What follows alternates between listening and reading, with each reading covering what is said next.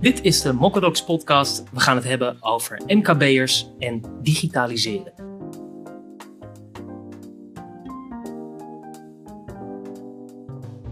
Welkom, leuk dat je kijkt of luistert naar deze Mokkadox podcast. Mijn naam is Bram van Montvoort, copywriter bij Mokkadox. En tegenover me zit Helene Matthijssen Ja. van eh, Office Helden. Uh, hartstikke leuk dat je, dat je hier bent. Dankjewel. En eh, een van de dingen die jullie doen bij Office Helden is eh, MKB'ers helpen om nou ja, te digitaliseren. Eh, wat houdt dat in? Dat is inderdaad een van de takken van sport die wij, eh, waar wij actief in zijn. Ehm, waar we met name bij het MKB naar kijken, is ehm, hoe, maken we, hoe maken we het digitaler werken interessanter eh, zonder dat het eng wordt. Dus we merken dat er aan de ene kant steeds meer vraag naar komt. Mensen weten waar het over gaat in zekere zin. Dus horen steeds meer, goh, alles kan met een telefoon of met een pc. Ehm, waarom werken we nog zo? Er komen vragen in een bedrijf op. En tegelijkertijd klinkt het allemaal heel eng. Moeten er beslissingen over genomen worden? En omdat die andere manier en de oude manier vooral bekend is bij de ondernemer en bij de eh, medewerkers die daarmee te maken hebben, werkt in hun ogen beter, omdat ze die al gewend zijn. En wel zien waar het beter kan, maar een beetje bang zijn tegelijkertijd voor het onbekende van het digitaliseren. Eh, noem eens wat. Veel mensen, en zeker de, de, de mensen die wat langer in het vak zitten, vinden het fijn om iets voor zich te kunnen hebben. Die vinden het niet fijn om langere tijd naar een, naar een beeldscherm te kijken. Dat is iets wat je niet in directe zin kan vervangen, want een beeld, als je digitaal gaat werken, dan kijk je naar een beeldscherm. Maar je kunt wel kijken, hoe kan ik dat probleem op een andere manier oplossen? Dus is het zo dat ik de functie anders kan inrichten, waardoor je toch iets minder naar een scherm kijkt? Bijvoorbeeld door processen digitaler, uh, uh, hoe zal ik het zeggen, processen verder te automatiseren. Dus soms werken mensen ook al wel digitaal, maar is de samenhang tussen verschillende programma's helemaal niet ingericht of nauwelijks je voert ingericht. het dubbel in of driedubbel. Ja, precies. eh, Je voelt op verschillende plekken voer je dezelfde gegevens in. Kun je daar niet iets voor bedenken om dat op één plek in te voeren en op andere plekken te verspreiden? Laten we heel concreet gaan kijken. Wat houdt dat digitaliseren in? Ik kan me voorstellen, meer, minder dingen op papier, meer op een scherm. Voor kleinere MKB'ers spreekt het, de term digitaliseren eh, tot de verbeelding, omdat ze denken: oké, we hebben nu veel dingen nog fysiek geregeld. We werken al wat digitaler. Dat is in de meeste gevallen wel het geval. Bijna niemand houdt meer, eh, ik noem maar, een boekhouding bij op papier. Het gebeurt nog. Nee, we zien het nog gebeuren. Echt letterlijk dat het ook handgeschreven is. Maar het gebeurt niet vaak meer. Dus ergens zijn ze al wel begonnen her en der. Alleen, ehm, ze zien de mogelijkheden, maar ze weten niet precies waar ze de vinger op kunnen leggen en hoe dat nou uiteindelijk bij hun bedrijf tot hun recht komt. Digitaliseren houdt in mijn ogen namelijk vooral ook in dat je niet alleen fysieke stukken digitaal maakt, maar vooral ook processen digitaal inricht. Waardoor er een samenwerking ontstaat tussen, ehm, tussen verschillende systemen. J- jullie gaan als office helden, gaan jullie eh, bij een be- bedrijf op bezoek en dan ga je met die mensen samenwerken om die omschakeling te maken. Maar stel nou even, ik, ik, ik eh, huur niet office helden in. Ik wil dat zelf doen bij mijn bedrijf, die omschakeling. Hoe kan ik die mensen overtuigen, enthousiasmeren om die omschakeling De te mensen maken? die er goed, dagelijks ja. uiteindelijk mee te maken gaan hebben. Ehm, niet alleen eh, moet je de voordelen dan in kaart brengen. Dus überhaupt, er zijn natuurlijk wat, wat vaste voordelen te noemen eh, als je eh, gaat digitaliseren. Eh, de tijdswinst die we net al even noemden. Ehm, eh, de kostenbesparing die vaak ook plaatsvindt. Het effect op het milieu, wat zeker niet onbelangrijk is. Wat is meestal de eerste stap die je zet als echt, echt, echt gewoon een, een klein bedrijf die, die digitaler wil gaan werken? Nou, als je echt een klein bedrijf bent, gebe- gebeurt het nog best wel eens vaak, eh, tenminste dat zien wij dan, dat een ondernemer van de een op de andere dag een, een systeem aanschaft en zegt, dit, dit lijkt me wel werken. Kijk eens, we kunnen dit registreren of documenteren op die en die manier in de browser of in ieder geval op een plek die online eh, eh, functioneert. Nou, dat, dat is al een beetje digitaliseren, want je gaat Ja. zoiets gebruiken. Maar dat is dan de eerste stap die je zet. Wat, wat Nou, je dat, dat, dat, dat kan dus. Dat, dat er vanuit een bedrijf al geïnitieerd wordt. We gaan er gewoon mee van start en het gebeurt.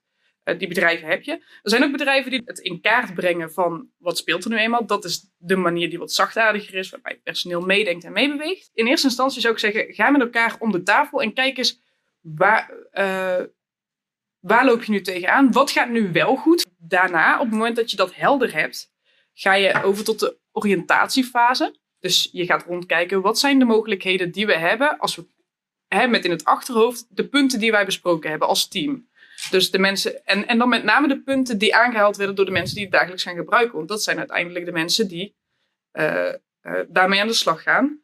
Maar in combinatie met de mensen die de resultaten die eruit voortvloeien moeten gaan behandelen. Van daaruit heb je misschien al bepaalde systemen aangeschaft indien dat nodig is. Soms is het ook zo dat je al bestaande middelen hebt die je kunt inzetten om een eerste aanzet te geven tot daadwerkelijke implementatie. Als je kijkt, waar kun je dan het beste beginnen? Letterlijk inderdaad van hè, of een afdeling of een bepaald specifiek proces. Want dat kan het ook zijn. Het hoeft niet per se de afdeling financiën te zijn of de afdeling HRM. Dat kan van alles zijn. Gewoon de facturen of Ja, precies. Het kan ook de facturatie specifiek zijn. Want ook al die afdelingen hebben weer heel specifieke processen. Die allemaal afzonderlijk al dan niet gedigitaliseerd kunnen worden. In mijn ogen kan alles gedigitaliseerd worden. Maar sommige dingen blijven op dit moment ook nog wel heel handig om maar deels te digitaliseren. Maar kijkend naar wat is, uh, wat is handig, dan zou, zouden wij altijd zeggen: begin met afdelingen of met processen die niet of weinig met de buitenwereld te maken hebben. Dus die puur of nagenoeg puur van binnenaf beïnvloed worden, maar ook uh, geïnput worden. Dus op het moment dat je informatie in zo'n proces hebt of uh, uh, op een hele afdeling, dat je dan ook niet van buitenaf informatie nodig hebt. Zodat je niet met leveranciers of relaties nee. of klanten moet gaan samenwerken en daar alles gelijk met elkaar moet, moet laten samenkomen en laten presteren. Dus noem eens een voorbeeld van zo'n proces. Financiële processen, want daar heb je te maken met uh, mensen die, hè, ik noem maar wat, de boekhouding. Dan heb je een accountant, dan heb je de leveranciers die de factuur aanleveren, de bank. Die, ja. hè? Maar dat wil niet zeggen dat je niet met financiën kan beginnen. Want bijvoorbeeld facturatie is iets wat aan de voorkant eh, voornamelijk binnen jouw bedrijf zijn informatie behaalt. Je hebt een eigen urenadministratie. Je hebt eigen medewerkers die daarbij betrokken zijn geweest. Die bepalen wat er op de factuur komt te staan. De factuur wordt vervolgens gemaakt. De factuur wordt gestuurd. Allemaal dingen die intern gebeuren. Daar heb je geen input van buitenaf, in de meeste gevallen, bij nodig. Dat maakt dat het cirkeltje van de mensen met wie je samenwerkt en de belanghebbenden heel klein. Dan heb je ook zaken waarbij wel veel externe partijen zijn eh, betrokken, zoals uh, contracten. Mm -hmm. Merk je dat er nog veel kleine bedrijven zijn die dat allemaal analoog doen? De echt kleine bedrijven waar wij over de vloer komen, dan praat ik over bedrijven um, zeg tot, tot een medewerker of twintig. Daar doet vaak de eigenaar het nog of iemand die recht onder de eigenaar werkt. En als het al digitaal gebeurt, is het in 9 van de 10 gevallen in een Excel-sheet waar snel iets, in, ja, snel iets in, in wordt geklopt. Maar dan praat ik ook puur over vervaldatum, eventueel een betrokken bedrag. Maar er wordt helemaal niks vastgelegd over voorwaarden of uh, vaak niet eens wie er getekend heeft. Krijg je nou wel eens vragen van dat soort bedrijven dat ze dat, ze dat toch digitaal willen maken? Nee. En de reden daarvoor is dat ze denken dat ze op die manier al digitaal werken. Ja, want het staat in Excel, ja, toch? Precies, Excel, op, digitaal. Je, je, kunt er via je computer bij. Dus het is iets wat, wat eigenlijk heel, voor hen heel logisch klinkt. Maar dat komt ook omdat ze er niet de hele dag mee bezig zijn. Op het moment dat een van onze klanten zijn spullen erbij wil pakken, zeker bij kleinere bedrijven, komt dat niet dagelijks voor als het om een contract gaat. Dan komt het op het moment dat de nood eigenlijk al aan de man is, of zelfs het uh, al misgegaan is. Dus een, ik noem maar wat, een termijn is verlopen. En dan heb je dat Excel-sheet, toch? Dat is waar de irritatie ontstaat. Ze hebben die contracten in een klapper zitten, die tussen alle andere administratie in een kast staat. Dat oh, ja, dan, net dat ene wat je dat dan wil weten, Precies. staat niet in dat sheet. En dan en, moet je weer... En hoe had je het ook alweer gestructureerd? Of de dame die dat normaal, of heer, die dat normaal altijd doet, die, die is er toevallig die dag niet. De Canarische eilanden, weet ja, of die werkt ja. part-time. Die moet gebeld worden. Die is vervolgens geïrriteerd dat ze op haar vrije dag gebeld wordt. Dat moet gezocht worden.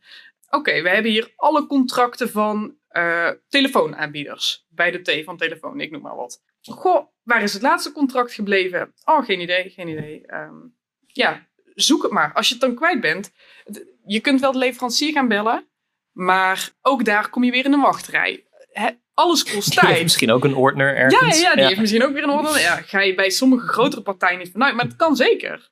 Op die manier kost het heel veel tijd. Ja. Op het moment dat je alles nog fysiek bijhoudt, dus niet eens een Excel-sheet hebt, zorg dan dat die eerst gestructureerd wordt. Zodat er eerst een manier bedacht wordt van, goh, hoe zoeken wij normaal deze contracten Gooi het gewoon allemaal, uh, scans gewoon allemaal in.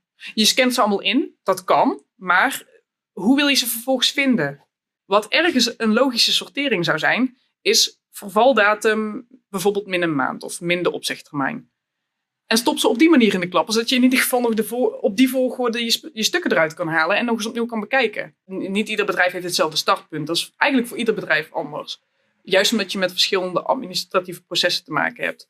Dat wat ik net noem is het startpunt als je nog helemaal niks gedigitaliseerd hebt. En dan praat ik nog hè, net met het voorbeeld over voordat je überhaupt begint met dingen door de scanner te gooien. Mhm. Op het moment dat je wel al dat Excel-sheet hebt, ook dan ga niet meteen een, een contractmanagement systeem aanschaffen. Maar kijk eens wat je nu uit het Excel-bestand kunt halen aan informatie. Hoe stuur je daar vervolgens mee? Dus hè, de andere belanghebbenden erbij pakken. Hoe, hoe, hoe gaan zij met deze informatie om? Gaat er überhaupt iemand met die informatie om? Want dat gebeurt ook niet altijd. En Ja, wie is waar verantwoordelijk voor? Als je dat niet Wie- weet, Wie, dan... maakt welke keuzes, maar ook wie onderhandelt waarover? Is dit überhaupt iets? Soms kom je ook contracten tegen waarvan je niet eens wist dat ze liepen. En eh, is degene die dat ooit eens heeft afgesloten, die, die is al lang uit dienst. En dat li- liep gewoon al die tijd nog. Dat zijn allemaal dingen waar je dan achter komt. Op het moment dat je in kaart brengt wat je al weet aan de hand van zo'n Excel-sheet, dan kun je ook, als je de contracten zelf erbij pakt, eens kijken wat weet ik niet, terwijl ik dat eigenlijk wel zou moeten vastleggen, omdat het op het moment dat het noodzaak is of urgent wordt, eh, van belang is om te weten. En dan kom je er vaak op uit dat het een hele hoop typewerk wordt, als je dat allemaal vervolgens ook nog in Excel wil zetten. En van daaruit is de stap naar een contractmanagement systeem wel makkelijker te maken. Ja, maar pak het in stukjes aan. Ja, Je kunt wel van bovenaf opleggen. We, we moeten een contractmanagement systeem, want hier eh, functionaliteiten. Nee, die mensen die er zelf mee moeten werken, die moeten eerst soort van in de gaten krijgen van oh shit, oh en dit hebben we ook nog liggen. moet en dat samen. nog. En- ga ook absoluut niet, heb niet de intentie om je hele bedrijf in één keer digitaal te gaan laten werken. want dat hoor je loopt- soms wel eens, of dat lees je soms wel eens, papierloos werken. Klopt. Om ineens die switch te maken, is misschien wat te Als heftig. het in één, keer, in één keer de switch maken maakt dat je ook in één keer een hele hoop veranderende processen hebt. En bij veranderende processen is het nagenoeg altijd zo dat er ook dingen misgaan of vragen komen. Of zaken zijn waar je wat, wat voor dingen gaan vaak mis? Wat merk je? Ehm, al is het maar iemand die niet, letterlijk niet snapt hoe een programma werkt. Ja. Dat zou ook kunnen. Als dat zo is en iemand moet een heel inwerktraject krijgen. Of iemand moet een kleine introductie krijgen. Dat kan van alles zijn. dat dat die moet lukt dat misschien wel over een paar maanden of een, Ja, een precies. jaar. die moet daar wat tijd voor hebben. En, en, en zeker als iemand is die al jarenlang gewend is om op dezelfde manier te werken, dan is het, eh, dan kun je bijna net zo goed, dan kun je bijna, zeg ik er dan wel bij, bijna net zo goed een nieuwe medewerker in dienst nemen die het in één keer moet leren en dan die Ja. wel wat ervaring heeft in het vakgebied, maar die puur omdat anders is het zo'n omslag en dan komt alles vanuit het niets op je af.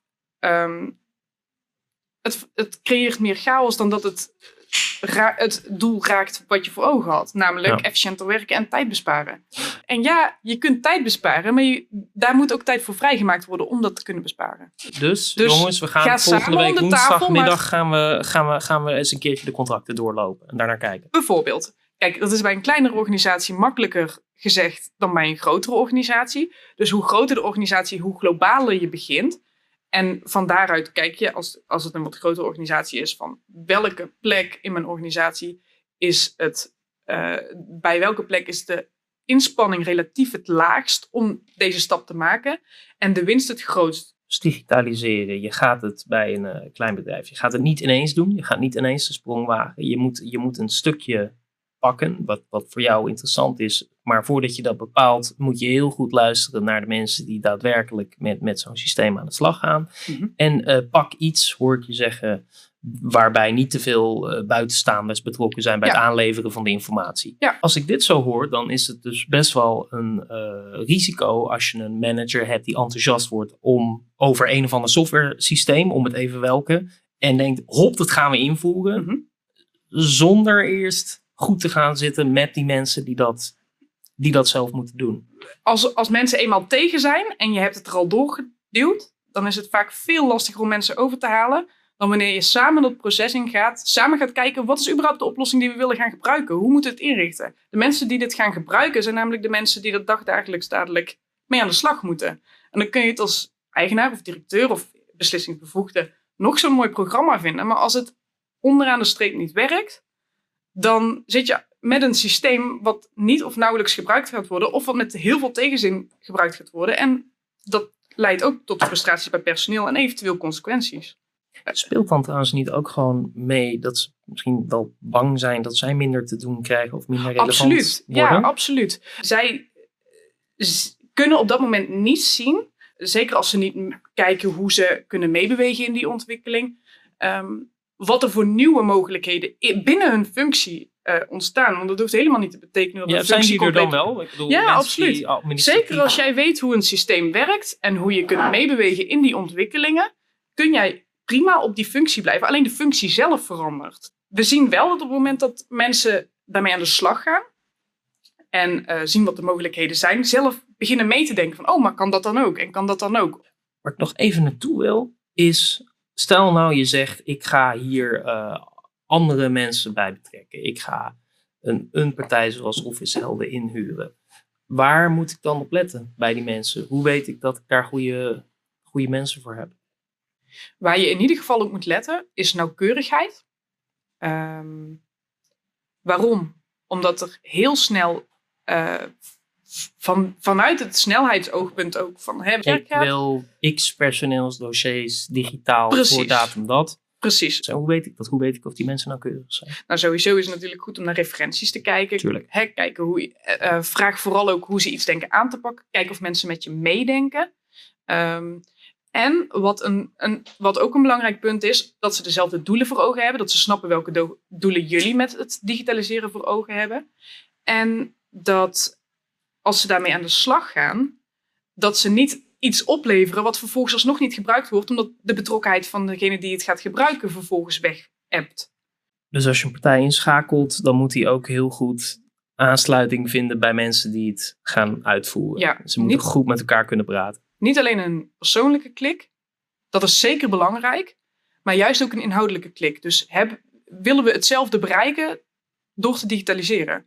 Want sommige partijen willen ook te snel en daar is een organisatie niet altijd klaar voor. Dat is goed om rekening mee te houden. Je hebt misschien een managers mindset van hop, eh, stappen maken. Precies. En dat, je hebt een partij die daarbij aansluit. Die zegt van nou, wij doen dat wel even in een maandje. Ja. Maar Je kunt in een maand een hele hoop werk teweeg, hè, een hele hoop werk verzetten, maar als er iets vervolgens wordt opgeleverd en iedereen denkt, was dit het nou? Omdat ze in, de heel, in dat hele proces niet meer betrokken zijn, dan in, wij zien best wel ergens gebeuren dat dan in het verleden zo gewerkt is, dat dat zo, eh, dat, dat zo gelopen is en dat dat eh, geen aansluiting vindt met het personeel en dus ergens in een, in, een- in een ladekastje, een digitaal ladekastje dan wel. dan heb je weer een nieuwe ladekast. Precies, en, Ja. dan, en dan is het probleem nog steeds even groot. Je hebt de oplossing, maar niemand wil ermee werken. Dus zorg ook dat die samenwerking niet alleen met de eigenaar is die het over de schutting gooit, maar juist dat, dat, dat ze over de vloer komen, of er al eh, een keertje gekeken kan worden samen, kijken of er uitleg kan worden gegeven. De partij die je inschakelt kan dan ook Mhm. vragen, dit is zoals we het hebben ingericht, kijk eens mee of dit voor jou werkt. Ja. En Dus in dit proces zittende, wat kunnen we nog meer? Want nu zie je hoe het in de praktijk gaat. Vaak krijg je dan weer nieuwe ideeën van hoe je dat nog verder efficiënt kan inrichten. Helder. Nou, volgens mij hebben we best veel besproken over het eh, beginnen met digitaliseren eh, voor, voor MKB'ers. Mhm. Eh Helene Matthijssen van Office Helden, dankjewel. Graag gedaan. En eh dankjewel ook voor het kijken of luisteren naar deze Mokkadox podcast. Wil je nou eh, meer zien, dan kan dat op www.mokkadox.com slash podcast.